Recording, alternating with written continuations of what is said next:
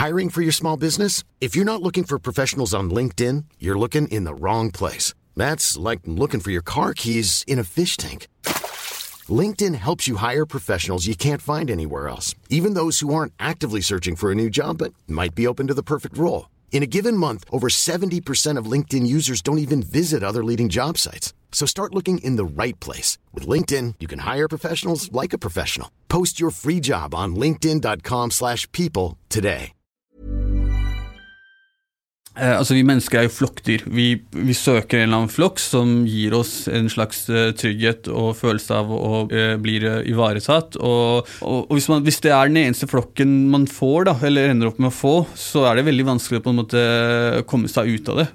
Fordi da er man flokkløs, og, og, da er det veldig vanskelig å kanskje komme tilbake til samfunnet, til tross for at det den flokken står for, går på mange måter mot det vi er utdannet eller opplært eller oppdratt til å tro. da.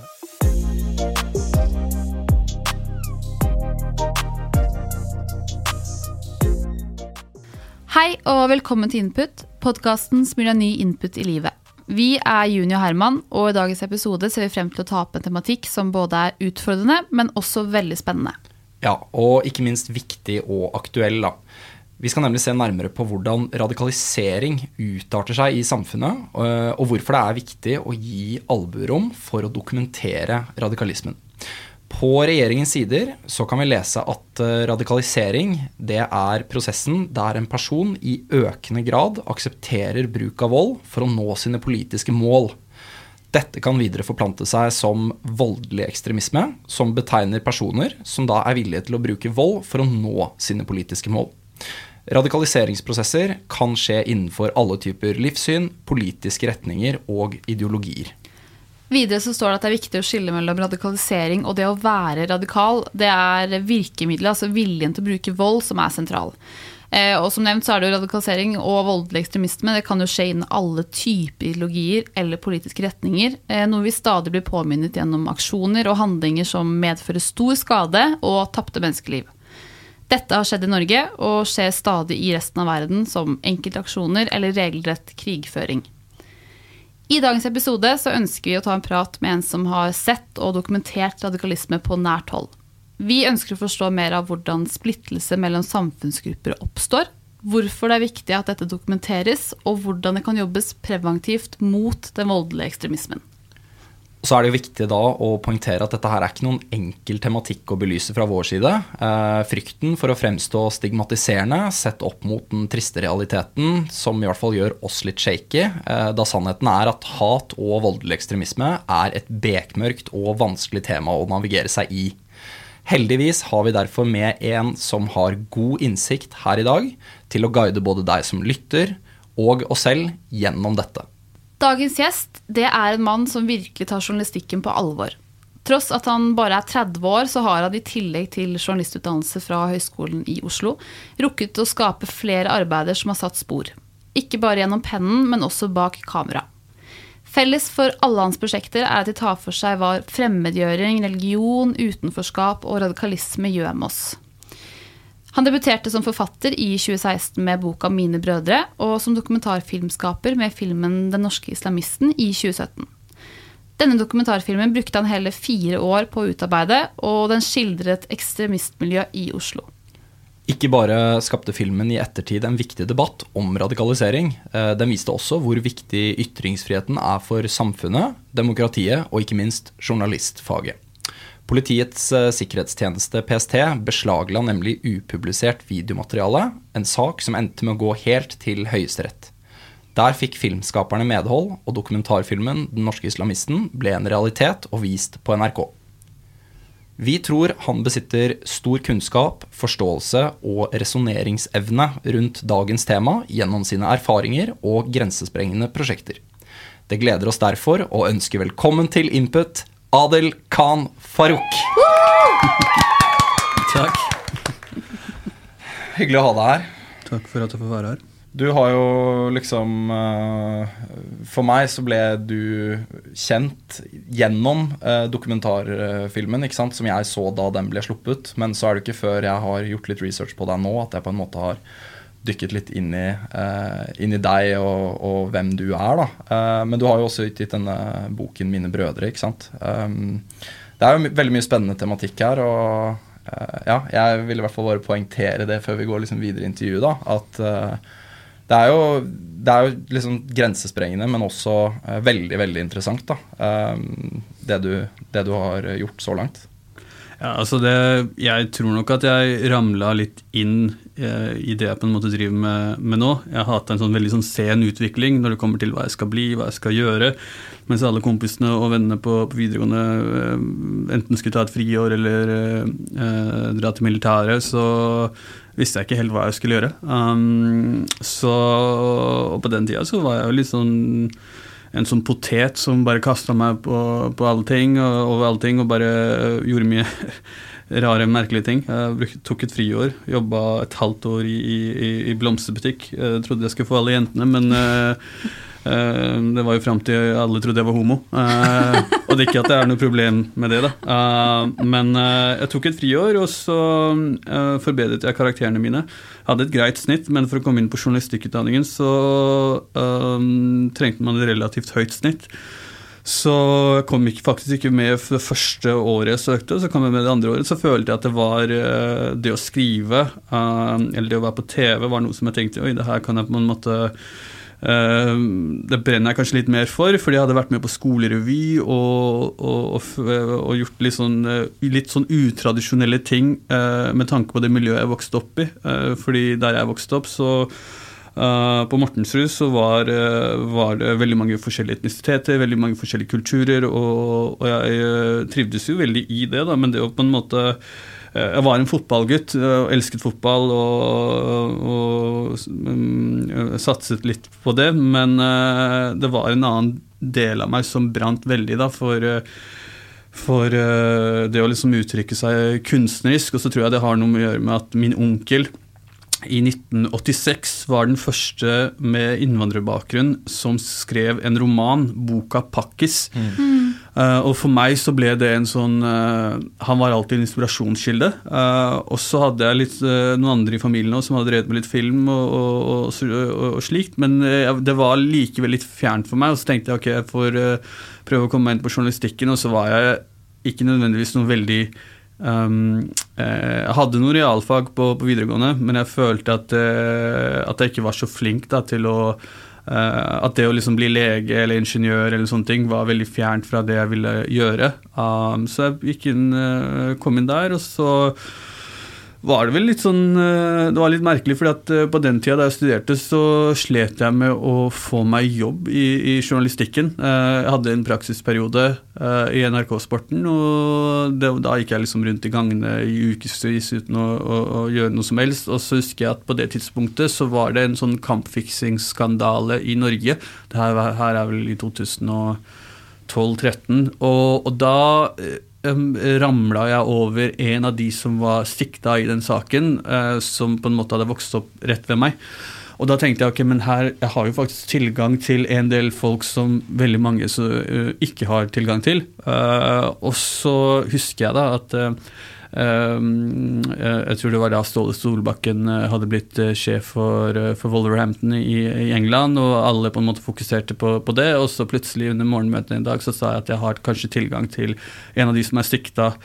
Uh, i den kampfiksingsskandalen. Uh, og da så alle på meg, og jeg hadde liksom prøvd å komme opp med saker og blitt skjøtta ned hele tida, og da liksom, liksom ble de litt imponert. Og det som skjedde da, var at Uh, da fikk jeg meg en journalist, uh, en som hadde vært der lenge. Uh, og så dro vi for intervjuet, og intervjuet gikk ganske greit. Og det som skjedde, var jo at jeg trodde at jeg skulle på en måte få min første sak. At det skulle bli toppsak på, på Dagsrevyen, og så ble det ikke det, fordi den journalisten skulle ha liksom Han skulle ha speak og voice og alt det der, og da skjønte jeg at selv om navnet mitt skulle bli Selv om jeg skulle få byline, så ville ingen skjønne da, at det var min sak. Mm. Uh, så det var litt demotiverende, og da skjønte jeg òg at uh, for å på en måte gjøre noe, så må jeg på en måte uh, bli nødt til å gjøre det selv. Og på det tidspunktet så var det en demonstrasjon utenfor den amerikanske ambassaden, som da den var her i, i sentrum. Da. og da var det en del som sto utenfor der. og Um, og hylla Osama bin Laden. Og, og det ble jo, jeg ble jo veldig sjokkert. Uh, og, og, tenkte liksom hvem er disse folka her? Og, og fant ut da, at uh, det var et nyoppretta miljø. Og det var liksom Da tok jeg på en måte kontakt da, uh, mm. og så etter mulighetene for å lage noe. På det tidspunktet så visste jeg på en måte ikke hva jeg på en måte holdt på å blande meg inn i. Nei, ikke sant. Ja, for det var vel starten på en ganske, ganske lang og tidvis intens reise for din del? Ja, altså det Man skal på en måte bevise hva man duger til. Og så må man Iblant så må man Du snakket jo før at du driver med startup sånn innledningsvis, ja. Herman. Og jeg tenker jo at man gjør jo det fordi man kanskje har en idé og skjønner at vet du hva, iblant så må man Enten så kan man gå rundt og ruge på den ideen i årevis, og så blir det ikke noe av, og så ender det opp med at åh, jeg burde gjort det ti år fra nå, så vil man angre på det. Og da tenkte jeg ok, jeg skal ikke gå og angre på noe jeg på en måte gjør nå. Det er bedre å gjøre noe og angre på det og heller lære av den opplevelsen. Mm. Uh, og så kastet jeg meg inn i det miljøet fordi uh, altså delvis fordi at jeg også hadde en lignende bakgrunn som veldig mange av de som var i det miljøet. Jeg er jo født der og oppvokst der, mm. i likhet med veldig mange av dem, men da jeg ble journalist, så ble de gikk det en helt annen vei. Mm. Og så lurte jeg på da, hva er det som på, hva er det som på en måte gjør eller ja, Hva er det som gjør at noen velger å på en måte bli en del av det norske samfunnet, mens andre velger å på en måte øh, altså forandre det helt? da. Uh, og uh, i dette, altså, Når det kommer til dette tilfellet her, så var det jo snakk om islamisme. men det finnes jo i dag da, så ser vi at det finnes høyreekstreme grupper i, i, Norge i dag som, som brenner Koranen foran altså i, i, bydeler hvor det er flere innvandrere eller uh, folk med utenlandsk bakgrunn. Og da tenker jeg altså det har skjedd noe da, med, med samfunnet. og da jeg gikk løs på dette, her, så var det islamisme, men nå føler jeg at høyreekstremismen er på frammarsj. Mm. Ja, fordi Det første arbeidet de omhandler jo i hovedsak islam og fremmedgjøring og radikalisering. Og da er det litt sånn, Nå har du vært inne på i forhold til bakgrunn, hvor man kommer fra, men hvorfor engasjerer denne tematikken deg? Altså, jeg, jeg, Det er som jeg sa, at jeg um, Det er litt tilfeldigheter, og så er det litt sånn at jeg på en måte alltid har kjent på Uh, en slags uh, utenforskap uh, selv. Og når jeg sier det, så mener jeg at jeg altså Da jeg vokste opp, så fikk jeg liksom beskjed av foreldrene mine at du er ikke norsk. Samfunnet sa til meg at jeg ikke er norsk. Og så lurte jeg jo på en måte på da, at hva det er, for jeg har jo norsk pass. Jeg er jo født her. Mest sannsynlig kommer jeg til å dø her. Og når jeg, når jeg liksom var og besøkte hjemlandet til foreldrene mine, så sa de at jeg ikke var pakistansk. Og det gjorde at jeg på en måte ble veldig sånn Uh, altså når man er i Jeg tenker at hvis man kanskje Hvis man bare tilhører én kultur, da, eller uh, så Når man er 15-16, så prøver man å finne ut av hva man skal bli, hvilken, hvilken legning man har, uh, og sånne ting. Mens jeg i tillegg til det hadde en sånn derre hvor er det på en, på en, måte lojaliteten min ligger? Hvilket land ligger den, lojaliteten i? da? Mm. Så det ble litt sånn øh, Jeg følte at det temaet plutselig var veldig nært meg, øh, uten at jeg var helt klar over det selv. Jeg var ikke helt bevisst på det da, men de siste årene så har jeg tenkt at øh, tilhørighet, spesielt tilhørighet, også utenforskap, da er liksom tematikk som på en måte jeg kan si noe om fordi at jeg først og fremst har erfaring Eh, har erfaring med det. Eh, og fordi at jeg eh, finner det veldig interessant. da. Og Det er nettopp det. da. Det er jo veldig interessant, men det er litt vanskelig når man ikke har følt på det samme selv. ikke sant? Jo da, men jeg tenker jo at uh, det, er, det er liksom, jeg var litt heldig da jeg vokste opp på Mortensrud eh, på, på 90-tallet og, og begynnelsen av 2000-tallet. fordi da jeg vokste opp, så var det veldig mange hvite nordmenn. Da, hvis man skal bruke den labelen, så var det veldig mange hvite nordmenn som, um, som, var en del av på en måte lokalsamfunnet. Så man lærte seg å integreres på tvers. Så jeg hang jo med nordmenn, jeg var på, uh, på, uh, på bursdager og, og, liksom klarte å forstå normer og alle disse tingene der som vi kanskje tar litt for gitt, forsto jeg da. Og så forsto jeg også Hadde jeg også den Ja, altså den utenlandske delen ved meg som gjorde at jeg klarte å switche om i situasjoner avhengig av hvilke folk jeg var med. Så jeg visste liksom når jeg skulle snakke uh, slang, når jeg skulle snakke flytende, uh, hvordan jeg skulle te meg. Alle disse tingene her som jeg føler er veldig veldig viktige. da.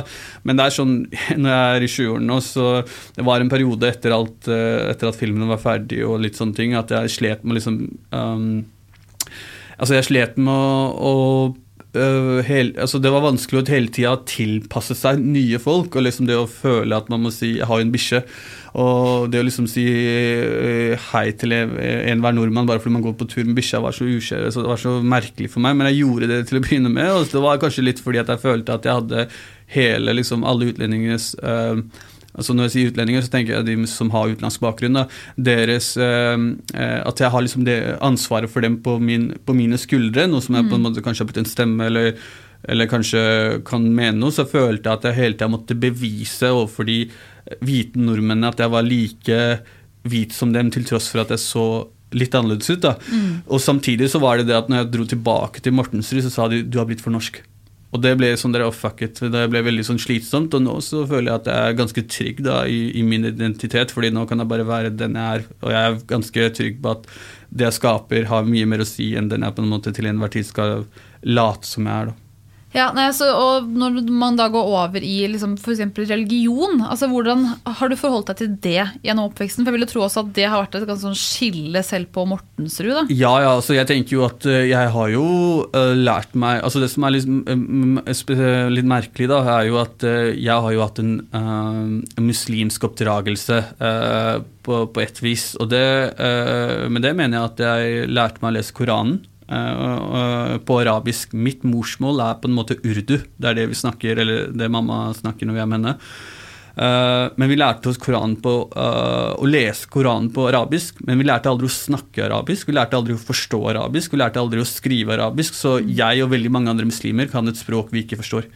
Så det var litt sånn merkelig for meg, fordi, fordi greia er jo at det man sier, er at det hellige språket er på en måte arabisk. da for jeg begynte å stille spørsmål om hvorfor, ikke, hvorfor burde, du ikke lære å, å, lese det på norsk, slik liksom, uh, vi har liksom Bibelen nå. da. Uh, og da var det sånn at ja, men arabisk er det hellige språket. Det er liksom det Koranen er Det er det språket på en måte Gud forkynnet Koranen for for profeten Mohammed. Men det jeg har tenkt i ettertid, og det jeg begynte å stille spørsmål ved det, da, var jo at hvis arabisk er det hellige språket, snakker alle i himmelen arabisk. Og da tenker jeg da har jeg et problem, for jeg snakker ikke arabisk. uh, og da var det litt sånn at uh, Det var sånne spørsmål Uh, jeg stilte spørsmålstegn da, ved det vi på en måte lærte. Og det, det jeg kjapt fikk beskjed om da, var jo at du, du, skal ikke stille spørsmål ved på en måte religion, da. eller islam, på det tidspunktet. Og da følte jeg jo at, at, det bare ble en del av min kultur og min, eh, min, eh, min, identitet. Men jeg har jo på en måte ikke vært noe praktiserende muslim på mange år. Altså jeg er like mye muslim som det dere er kristen eller eh, hvilken ikke sant? Så, så, jeg tenker jo at ting har på en måte forandret seg for meg. Og så er det fordi at jeg har søkt kunnskap selv, da. For det som er veldig spennende her, som du også var litt innpå i sted, er liksom ok Eh, og som du også tar opp i Den norske islamisten også. Eh, hvordan du tar utgangspunkt i et menneske som egentlig hadde ganske altså, samme forutsetningene som deg selv. Men du tok retning mot journalistikken. Og så tok det andre mennesket eh, retningen mot mer en, altså ekstremisme. Eh, og det er sånn i forhold til polariseringen vi også ser i samfunnet, eh, og hvordan det kan liksom, medføre disse radikale holdningene, som igjen kan resultere i den fremmedgjøringen, hat og ytterste konsekvens av terror. Eh, hva tror du er liksom, årsaken til denne økende avstanden i samfunnet, og hvorfor noen tar denne mer ekstreme veien? Ja, altså jeg tenker jo Det første jeg vil si der, og bare minne uh, uh, lytterne om, er jo at Eh, ofte da, så har eh, mediene en tendens til å slå terrorangrep eh, som er begått av muslimer, veldig stort opp. Og det mm. forstår jeg, det er jo et terrorangrep. Men vi må også huske at de to eneste terrorangrepene som har begått, blitt begått i Norge etter andre verdenskrig, er blitt begått av to hvite nordmenn. Uh, Breivik og, og Manshaus. Uh, så sånn sett så tenker jeg at når jeg sier det, så setter det altså ting litt i perspektiv. Uh, ja, det, vært, det, har vært angrep i, i, Europa begått av uh, mennesker med muslimsk bakgrunn. Men uh, ved å si dette her, så liker jeg å minne folk på at, at ting er litt mer sammensatt. og at utenforskap kommer i alle former og fra liksom ulike altså Uavhengig av hvilken tro eller, eller tilhørighet man har. Og jeg tenker jo at den grunnen jeg har jo på en måte ikke fasitsvaret på hva som gjør at folk blir, eh, altså, føler seg utenfor, eller på en måte finner et fellesskap utenfor det faste fellesskapet. Men det som har slått meg da, etter å ha liksom jobba med dette, her, er jo liksom det at, eh, at veldig mange um, altså Vi mennesker er jo flokkdyr. Vi, vi, søker en eller annen flokk som gir oss en slags trygghet og følelse av å bli, hvor vi blir, blir ivaretatt. og og hvis, man, hvis, det er den eneste flokken man får, da, eller ender opp med å få, så er det veldig vanskelig å komme seg ut av det. Uh, fordi da er man flokkløs, og, og, da er det veldig vanskelig å kanskje komme tilbake til samfunnet, til tross for at det, den flokken står for, er, uh, går på mange måter mot det vi er utdannet eller opplært eller oppdratt til å tro. Da. Uh, men den tryggheten er så god og varm at når jeg har på en måte Jeg har jo Uh, også uh, oppsøkt uh, kriminelle miljøer. Og, og, det, jeg finner de samme altså krim, kriminelle så mener jeg på en måte de som ikke er noe religiøse, eller noe som helst. Men der så ser jeg at, at vennskapet og brorskapet, spesielt blant menn eller unge menn, står veldig sterkt. Da. og at veldig mange um, veldig mange kanskje søker uh, en slags farsfigur, eller at det har vært mangel på farsfigur, er vel riktigere å si, i, i livet, eller, en, eller uh, og, som gjør at uh, at noen tilbyr den varmen som man kanskje ikke har fått hjemme eller fra, fra fellesskap. Men det er liksom sånn at vi lever i en digital verden hvor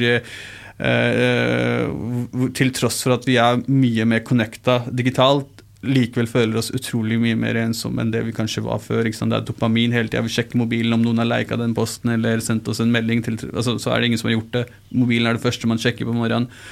Uh, og det, jeg tenker jo at uh, for veldig mange så finner man et fellesskap på, på nett òg. Uh, eh, og kanskje utenfor de vante rammene. men hvis noen tilbyr meg Uh, hvis noen gir meg et kompliment for et eller annet, så er ikke jeg den til å si uh, 'hvorfor ga du meg et kompliment'? Da, da, blir man veldig glad. Det er en naturlig uh, menneskelig følelse å, å, føle seg sett og hørt.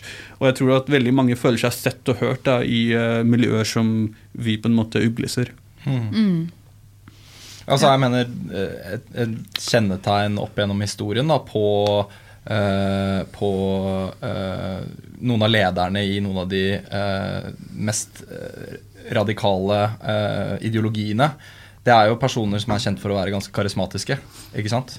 Og flinke til å nettopp fremstå antageligvis da, som en sånn type Jeg tenker at Hvis du snur litt på det, hvis Trump hadde eksistert for 800 år siden, enkelte hadde kalt han for profet i dag.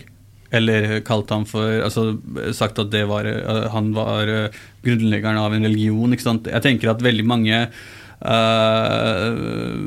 det er en del karismatiske skikkelser der ute som klarer å spille på følelser, og, og som Altså, veldig ofte, da, eller uh, uten at jeg har liksom statistikk på det, så tenker jeg at eh, det kan jo gå en annen vei òg. Vi har jo liksom eh, figurer som Martin Luther King, Gandhi og som på en måte Nelson Mandela som liksom startet en slags vekkelse da, for å få folk til å liksom se uretten som på en måte blir begått mot enkeltmennesker. Og så er det jo de som likevel klarer å spille på akkurat de samme følelsene, bruker akkurat de samme, den samme retorikken, til å lage et fiendebilde, istedenfor å på en måte uh, få oss til å forenes. Og det som er det farligste tenker jeg da, i samfunnet, er jo å skape et også et dem. Og så tenker jeg det finnes jo ikke et også, også et dem, det finnes jo bare et vi. Og de som på en måte klarer å, å, å likevel lage en tvil i, i, i, um, rundt det resonnementet, er, uh, altså det er dyktige retorikere. Også. Altså. Mm. Ja, og det, og det, er jo også et problem i samfunnet generelt. Hvordan som du sier, liksom oss og dem-retorikk, som skaper stor splittelse. Eh, og som gjør det vanskelig å ha en saklig debatt rundt ting man er uenig om, fordi man på forhånd har gjort seg opp en mening og, og snakker nedlatt om den gruppe mennesker eller den gruppe mennesker. Men det er fordi vi er fordomsfulle. Vi alle mennesker er det. Jeg er også fordomsfull. Og, og jeg tenker jo at med en gang no, en eller annen går inn, kommer inn den kafeen, så tror jeg at jeg vet alt om den personen, og så, og så tenker jeg at eh, det, det, stemmer jo ikke. Man må jo liksom ta en samtale eller på en måte bli kjent med, med den personen. Og så Hvis dere har hørt på nye albumet til Karpe, så har jo mm. de uh, sagt at vi, har, vi, skal gi faen i å på en måte uh, oversette alle ord. Eller uh, Altså, dette her er å være norsk og bruke ord som ikke kanskje 60% av den hvite norske befolkningen, befolkningen, forstår, men det her er, er, det her er å være norsk, da. Så jeg mm. tenker at Um, det å være annerledes er ikke det samme som å ikke være norsk. Jeg tror at vi må omfavne annerledesheten for å på en måte skape uh, færre skillelinjer. Da. Fordi mm. jeg føler at vi skaper for mange skillelinjer, og det gjør bare at uh, folk liksom trekker seg fra hverandre. Jeg mm. tenker at man må ikke feire altså, Jeg våger å si at veldig mange feirer jul uavhengig av tro. Uh, men man må, liksom ikke, ja, ikke man, må, man, man må liksom ikke gjøre det heller for å føle seg norsk. Jeg har liksom aldri vært på, altså jeg har vært på fjellet, men jeg har liksom ikke vært i Spania enda. Det gjør ikke meg mindre norsk fordi jeg har ikke vært i et land hvor alle snakker norsk på sommeren. Så det er liksom sånne ting da, som jeg tenker mm. bør settes litt mer i perspektiv. Mm. Ja, absolutt. Og, og, hva tror du, altså den, den, type, hva skal jeg si, den splittelsen som eh, vi lett liksom eh, opplever, hva tror du det gjør med oss som samfunn, da? Det er jo ikke produktivt da, for, for, samfunnet, tenker jeg. Jeg tenker at øh, samfunnet blir øh, Vi låser oss til ytterpunktene når vi egentlig skal møtes på midten. Og så tenker jeg at det er liksom forståelig. Så er du United-fan, så kan du ikke være Liverpool-fan. Det er litt sånne ting, Men jeg tenker at vi kan alle være enige om at vi alle elsker fotball. Mm. Det er litt sånne ting da. Og så tenker jeg jo at vi må liksom forandre, nyansere en del av disse debattene her. fordi jeg tenker jo at veldig mange av de som kanskje kommer til Norge i dag. Bare et sånt eksempel. da. Eh, kanskje kommer man hit eh, når man er 10 eller 15, eh, eller kanskje, kanskje ender opp man ikke får norsk pass eller blir kasta ut når man er 18.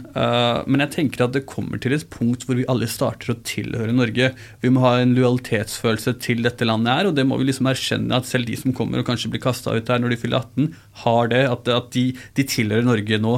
Eh, de er kanskje på, eh, på, lån, ikke sant. Eh, og så kan det hende at de på en måte drar til et annet land igjen. Men er de her, så tilhører Norge. De føler, altså det er dette laget de spiller på.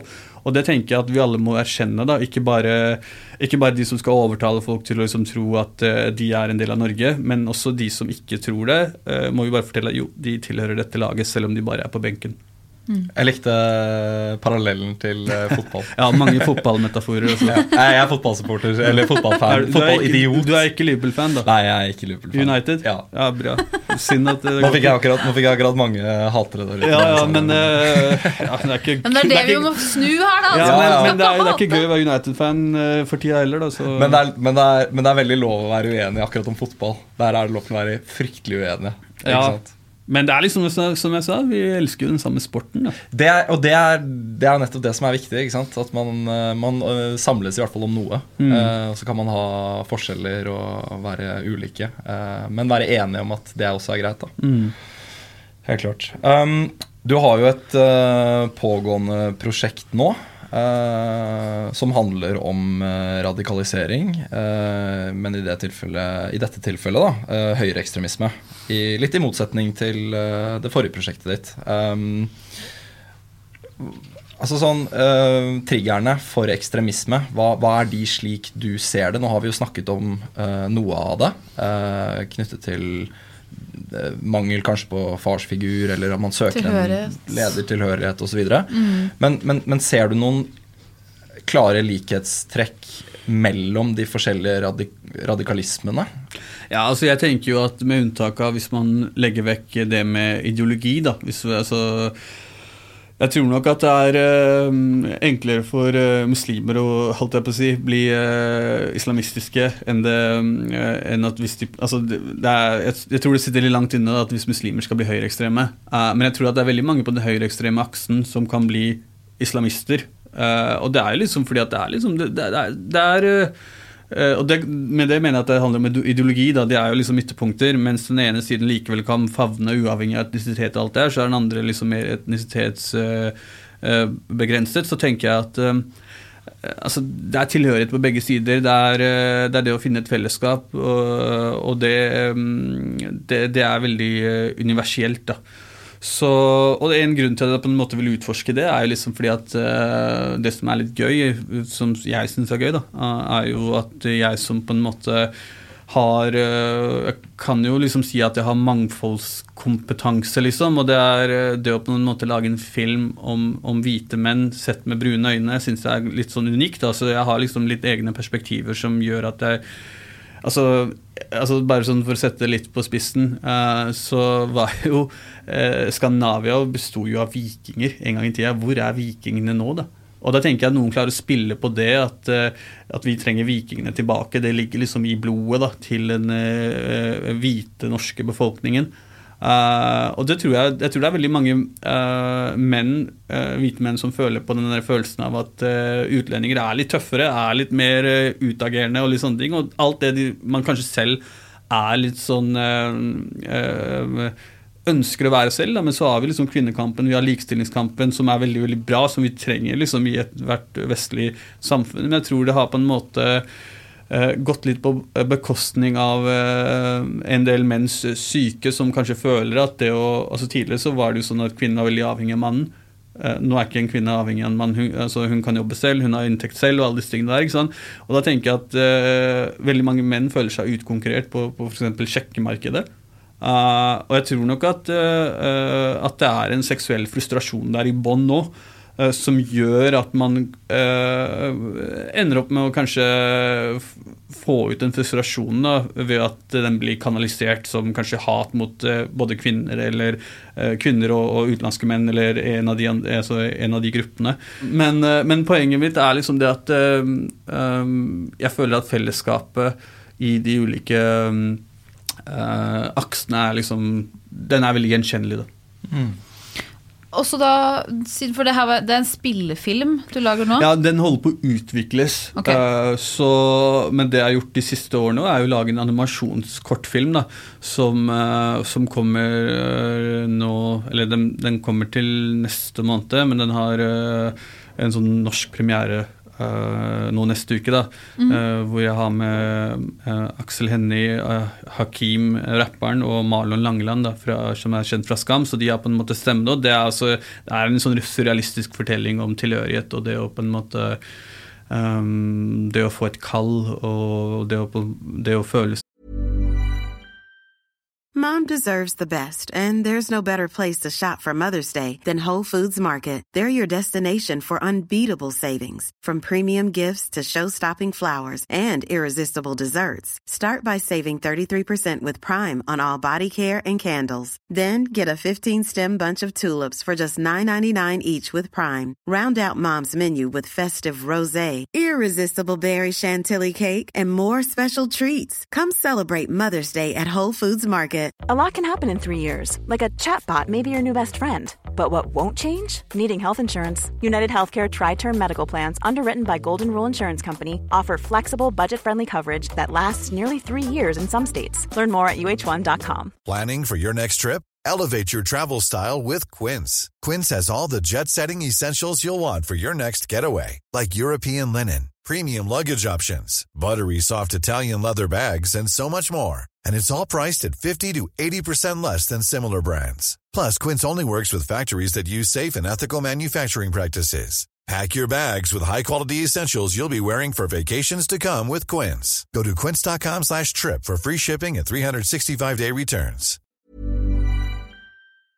Som den utvalgte, uh, men så ser man at det man tror kanskje ikke henger helt på greip likevel. Hvorfor, uh, hvorfor, synes du at uh, det er viktig å gi uh, de ekstreme en stemme, da, hvis man kan si det på den måten? Jeg tenker jo at uh, i, i, Norge så er det nesten ingenting som står uh, høyere enn uh, ytringsfriheten. Og nå har vi jo sett høyrefiendtlige grupper som f.eks. Sian, som brenner Koranen i innvandrertette nabolag, og gjør det liksom utelukkende for å provosere, for å få en provokasjon. Og senest i dag så leste jeg en sånn jeg leste en kronikk i Avisa Oslo hvor det var en uh, mor fra Stovner som sa at, uh, at ytringsfriheten må man verne. Uh, og da er det vel kanskje bedre at Koranen brennes i så fall, da, hvis den skal brennes. Hvorfor brenner man den ikke foran Stortinget? At det er litt sånn man, Jeg tenker jo at Uh, altså Hatefulle ytringer og, og, sånne ting må man slå ned på. Uh, men det er liksom det, det, er en veldig sånn eh, man, Det er en balansegang mellom hatefulle ytringer og, og, ytringsfrihet ofte, som på en måte vi kan bli litt blinde på. og Da er det viktig å ha den diskusjonen. og det er jo det jeg sier at Hadde det ikke vært ytringsfrihet i Norge, så hadde vi ikke hatt den diskusjonen uh, engang. Det hadde ikke vært rom for å ha en diskusjon om hva ytringsfrihet Eh, er. Og så tror ikke jeg på at eh, Jeg tror på åpenhet. Jeg liker å åpne opp vinduene og la folk på en måte Uh, få komme til uh, orde, uh, enn å liksom skjøtte dem helt ned og late som de ikke eksisterer. For da vil de finne tilhørighet andre steder og få en sånn subkultur, og det tror jeg på en måte blir, kan være enda verre. Da. Det er bedre å, å få trollene frem i, i solskinnet og få dem til å sprekke. Da. Mm. Men hvordan, altså, så, så Særlig den norske islamisten, da, hvor du på en måte selv var med å, å vise frem ekstreme holdninger. altså Hvordan opplevdes det for deg? Var det vanskelig å lage noe som på en måte bidro til å trekke det frem i lyset òg? Altså, jeg tenker jo at uh, I og med at jeg har en muslimsk bakgrunn selv, så uh, var det veldig viktig for meg at jeg ikke ville at de som hater islam, skulle få enda mer vann på mølla. Og samtidig så ville jo ikke jeg være noe mikrofon, mikrofonstativ Uh, heller. Uh, og tilbakemeldingene vi fikk da, var jo at, at, dette her var veldig veldig bra, og det var liksom fra um, alle, alle typer folk. Og det gjorde at jeg følte meg trygg i jobben, men jo, det var jo man, man, man, begynner jo å lure da, mens man lager dette her, om hvilken vei det skal gå, hvordan det skal bli tatt imot. Og så er det kanskje noen som vil ta dette her ut av kontekst ved å bare vise kanskje et par scener, og det henger liksom ikke helt på greip. da. Nei. Så det var liksom Jeg var jo litt øh, jeg vil ikke si at jeg var bekymret, men det gjorde meg litt urolig hvordan dette her uh, ville bli tolka. Um, men det gikk heldigvis greit. Mm. Jeg tenker jo særlig f.eks. når du filmer eh, med den 18-åringen som da skal dra til eh, Syria, f.eks. Altså, hvordan det, hvordan det beveger seg inni deg da, når du står der og på en måte er med på denne reisen eh, og kun ja. dokumenterer? Ja, jeg tenker jo at uh, Ofte så glemmer folk at journalister uh, Nå jobber jeg ikke direkte som journalist lenger, men uh, journali journalister er jo mennesker, de òg, med, med, egne inntrykk, følelser og på en måte erfaringer. Og det er ingen journalistikk som er objektiv. Alt, all journalistikk er subjektiv. og selvfølgelig så satte det på en måte sitt preg Eh, på meg. Og, jeg tenker jo at uh, det kommer veldig tydelig fram i dokumentaren hva jeg på en måte mener, eller hvor jeg står. da. Uh, samtidig så kunne ikke jeg la det gå på bekostning av opplysningsansvaret jeg også følte at jeg hadde. Så um, jeg måtte bare passe, liksom ha tunga rett i munnen og bare passe på at jeg ikke fikk enda flere 18-åringer til å reise ned. Det var liksom mm viktig for meg. da. Og nettopp det opplysningsansvaret og nettopp ytringsfriheten som du var inne på her i stad, det må ha vært en stor seier for nettopp det da, når, eh, når eh, dere vant frem i Høyesterett, ikke sant?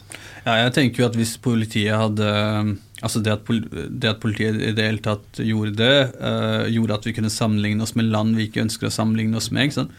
Så jeg tenker jo at øh, Og det var jo flere som på en måte som øh, ikke likte aktørene i filmen, som sa kan ikke dere bare gi materiale til politiet, la dem på en måte ta dem og alt det der. Men altså, jeg var jo opptatt av kildevernet. ikke sant? Folk, kan vi si hva slags, fort, hva slags, hva var det de ville ha tak i? Altså, De ville ha tak i upublisert materiale øh, fra eh, fra, en, fra en tur i filmen, da, en biltur.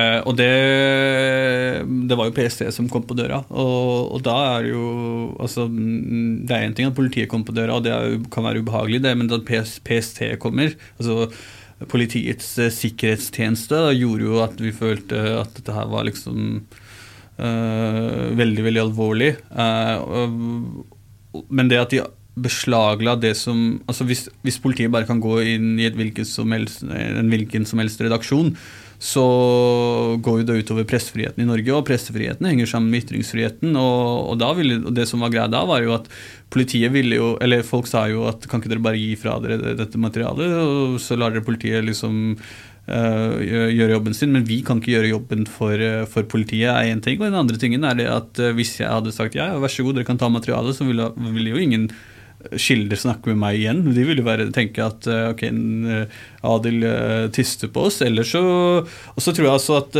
at vi gjorde jo det for, for alle journalister. fordi at vi, folk ville jo tenke at ok, hvis politiet kan gå til dem og beslaglegge ting fra dem som ikke er publisert engang, så kan de vel sikkert gjøre det så, med andre journalister òg. Så vi følte jo at det var en kamp for, for Den kampen tok vi for hele journalistikkstanden.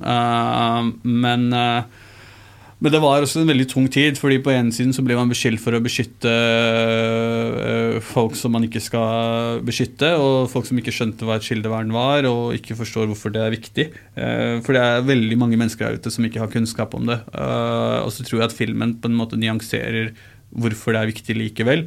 Uh, og så er det alltid de som likevel vil hevde det, at det vi gjorde, og det å liksom krige mot politiet eller gå til sak mot dem, ikke var Riktig, men vi brukte også ytringsfriheten vår da, til å få tilbake noe som var veldig veldig viktig å få tilbake. Mm. Ja, virkelig. Og jeg må også si, altså, sånn, nå har vi begge to sett eh, den dokumentarfilmen, da, og det, den understreker jo veldig hvor viktig eh, journalistikken er. Jeg blir sånn stolt av å altså, Nå er jeg utdannet tekstforfatter, da, men en del av det er journalist, og jeg kjenner at det er sånn det gjør at man føler en eh, verdighet liksom, rundt faget sitt. At det er jo virkelig med på Og det er det som skaper liksom, sånn fremdrift i samfunnet. Og det er jo sånn vi kan opplyses, og sånn vi kan bli klokere og forstå mer. Eh, og det er det jeg også tenker litt på. Som tror du at denne gode, sånn, transparente journalistikken kan virke forebyggende? Vi, vi ser det på én måte her nå, men hva, hva er liksom motpolene her? Hvordan kan vi eh, si, forebygge og hvordan gjør vi kanskje det motsatte på mange måter i dag? Altså jeg, som jeg sa i stad, at jeg tror ikke på altså jeg tror på åpenhet. Jeg tror at øh, jo mer vi kan belyse, jo mer kunnskap kan vi få. Og så sitter ikke jeg på noen fasitsvar på hva man på en måte skal uh, hva som er løsningen, men jeg kan åpne opp et vindu for folk, og så får folk på en måte ta en vurdering av hva de ser, og, og, og på en måte selv uh, avgjøre da, uh, hva, som, hva veien videre er. Og da tenker jeg på den måten. Så nå er jo jeg her og kan snakke litt mer fritt om det. Det er liksom fordi at jeg på en måte har gått mer og mer over til fiksjon, men samtidig så det jeg lager som er fiksjonsbasert, har jo også Um, det har jo uh, utdrag av uh, uh, Altså Det lager, har på en måte en samtidsverdi. Da, så det, det er ikke, sånn, det er ikke en superheltfilm, liksom.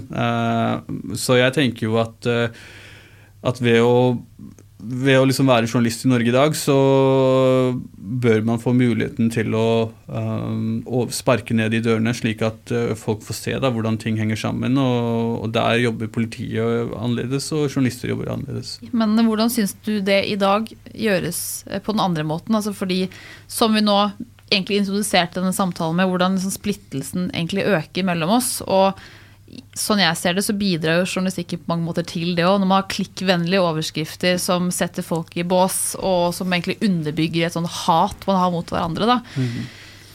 Hva, med, hva, skal man gjøre med det? Altså jeg tenker at Mediene har jo uh, et veldig veldig stort ansvar. Uh, nå var det et angrep uh, var det vel i Kongsvinger i høst. og, det var jo, og da husker jeg at jeg ble veldig provosert da enkelte medier slo opp at, at på det tidspunktet tror jeg ikke man hadde så mye informasjon. og da var det likevel noen som slo opp at, at det var en konvertitt som sto bak. Og da tenkte jeg sånn Ok, når, det, det liksom, når, ble det å være konvertitt mm. eh, noe som på en måte fortjener en plass eh, på toppen av liksom VG og Dagbladet?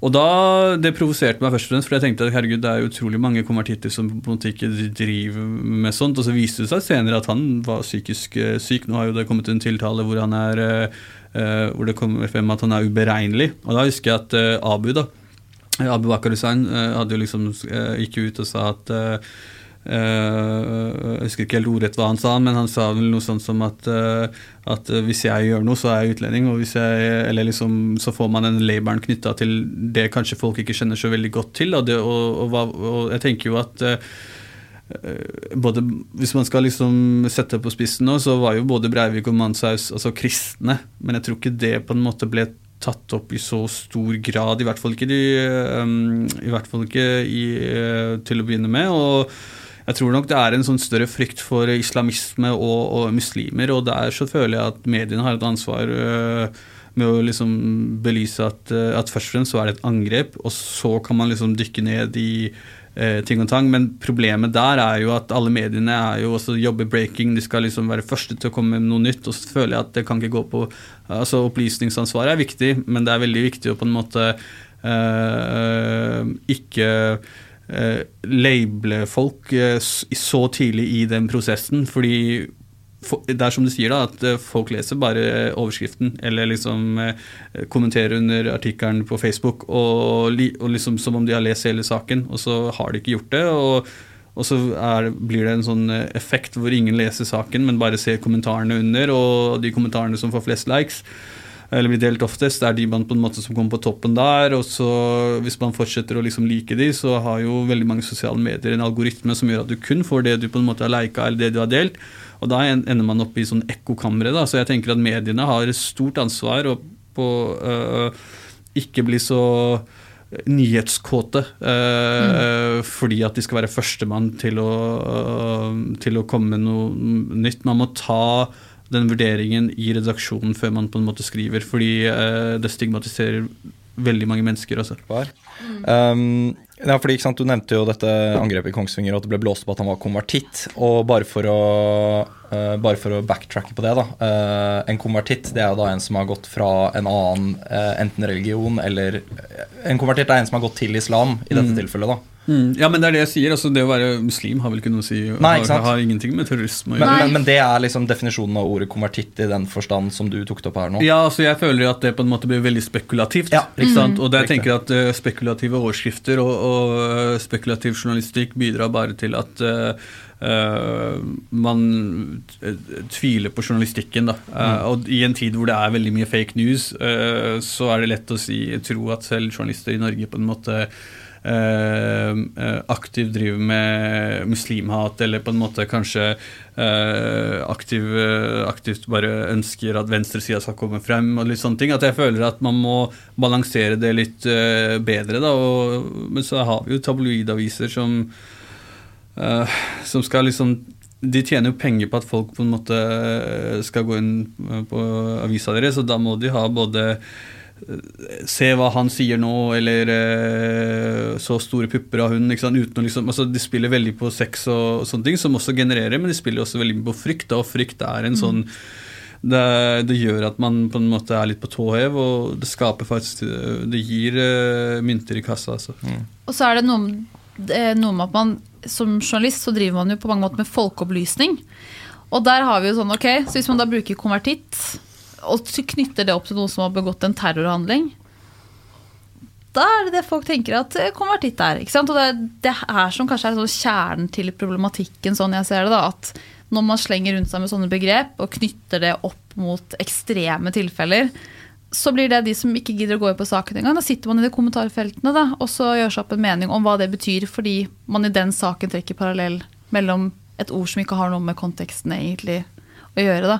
Og jeg kjenner for personlig selv, jeg klarer jo ikke å gå i de kommentarfeltene. Jeg kjenner sånn, fordi jeg, jeg, orker ikke å skulle gå inn i en diskusjon med noen, men opplever det som såpass problematisk. da. Altså Tabloidavisene har jo en sånn uh, mediestrategi at de kun publiserer de sakene som de vet kommer til å engasjere. Det er haugevis av saker som VG, Dagbladet, Nettavisen skriver som ikke havner på Facebook, eller eh, som de ikke deler selv, fordi de vet at det ikke kommer til å generere like mye. Men de sakene havner på, eh, altså, på, på forsida, og da føler de at de gjør det eh, det journalistiske ansvaret de, de, har. Mens alle andre sånne agurknytt og litt sånne engasjerende saker som på en måte gjør at frontene blir veldig steile, de havner på Facebook. Og jeg mm. tenker at herregud, det er veldig sånn Der så tenker man både Man tenker at ok, nå driver vi med journalistikk fordi vi har noen ekte saker her, men så er det ikke der pengene egentlig kommer inn. Mm. For å runde av på en litt sånn uh, fin note her, da, så tenker jeg egentlig å høre hvordan du mener at vi best kan møte personer som har et annet synspunkt enn oss selv, uten å fremmedgjøre og skape større avstand. Jeg tror nok uh, altså det første, første grunnregelen bør være, bør være å Har man ikke kunnskap uh, Vi mennesker er jo utrolig late vesener. Altså, jeg tror ikke det finnes noe Jeg tror liksom selv uh, Altså, Skilpadden er mer aktiv enn det vi er. Uh, vi uh, gjør ikke Altså gjør ikke noe mer som mer helst som på en måte skal som, er, som vi tror er energikrevende. Men hvis man først skal på en måte ha få informasjon, så, bør, så, føler jeg at man bør dobbeltsjekke det. Enten ved å liksom um, Altså, folk søker, søker opp informasjon selv òg, da. Uh, og ofte så kan det Altså, det kan jo gå en annen vei, det òg. At man liksom uh, Bare at uh, informasjon som er litt sånn suspekt på en måte bare blir bekrefta ved at man finner de samme artiklene. Men jeg tenker at første skritt bør være å, å søke kunnskap selv. Og hvis man på en måte har Uh, hvis man uh, er uenig, eller på en måte føler at okay, det her bør uh, sjekke litt mer ut, så skader det jo ikke å snakke med de det gjelder. da, tenker mm. jeg. Det er vel for det første. Og så tenker jeg at det er som jeg sa innledningsvis òg, at vi må ha liksom, vi må bli trygge på at Altså, Jeg går ikke rundt og kaller meg selv norsk eller pakistansk. Jeg sier at jeg er fra Norge, eller jeg tilhører Norge. Og, mm, og, jeg føler at vi bør gi alle en lojalitetsfølelse til, til, til, dette landet her. Og så er det jo de som på en måte kanskje er født der, oppvokst der, og som er hvite og liksom norske, som likevel ikke vil vedkjenne at sånn som meg på en måte tilhører Eh, dette landet her. Men uh, ytringsfriheten Vi bør ikke liksom liksom stenge kommentarfeltene deres, da, fordi at eh, det tror jeg ikke er uh, produktivt heller. fordi på den måten så vil de bare si ja, ah, vi har rett. Det er derfor de blir liksom, det blir en sånn subkultur hvor de blir liksom skjøtta ned, og så føler de at de blir skjøtta ned fordi at uh, de sitter på, på, på sannheten. Så jeg tror nok vi fortsatt trenger noen kulturkrigere der ute på, på, sosiale medier òg, men sitt, har man en sånn tvil går rundt, går rundt, med en sånn tvil og, og, lurer på og kanskje er litt fordomsfull, så tenker jeg at det er greit å bare uh, sjekke med seg, med seg, selv og lure på om det egentlig er sånn det henger sammen. Fordi de fleste muslimer i Norge Altså, vi har hatt en kulturminister som er, eller, ja, var, er muslim, og hatt en arbeidsminister som også er muslim. Uh, stortingspresidenten er iraner, eller har iransk bakgrunn. Altså, samfunnet om, om, 50 år så kommer ikke norsk kultur til å være det den er i dag. Kultur forandrer seg hele tida. Det er ikke noe statisk. Så jeg tenker at uh, man må erkjenne da, at uh, kultur er i endring, og at uh, det kommer det til å være til jorda altså slutter å spinne, da, tenker jeg. On that note. On that note. Jeg tror rett og slett vi har fått veldig mye bra input av deg i dag. Ja. Så jeg vil si tusen hjertelig takk for besøket, Adel. Ja, takk for at jeg fikk være her. Utrolig gøy. Ja, Kjempekult. ass. Veldig, veldig hyggelig. For å summere det opp, altså ikke bare er du svært dyktig i arbeidet ditt, eh, men du er da åpenbart også god til å formidle din kunnskap og tanker rundt dette kompliserte temaet. Eh, vi, vi, håper jo at de som hører på, da, finner dagens tema både engasjerende og interessant. Eh, for dette her er ikke alltid helt lett å bli klok på. Men kanskje så kan denne episoden her oppleves som litt oppklarende. Og vi oppfordrer eh, til å ta denne kunnskapen i bruk, eh, slik at vi alle kan møte hverandre med mer åpenhet. da, rett og slett. Ja, altså La oss prøve å unngå at ulikheter innen politikk, religion og lignende er så definerende eh, for hverandre. De aller fleste er fine folk, eh, og man bare klarer å se forbi de fordommene man sitter med. Og Er du ikke kjent med Adel sine utgivelser fra før, så anbefaler vi deg varmt å sjekke ut hans dokumentarfilm 'Den norske islamisten'. Og inntil neste uke Stay put. For more input.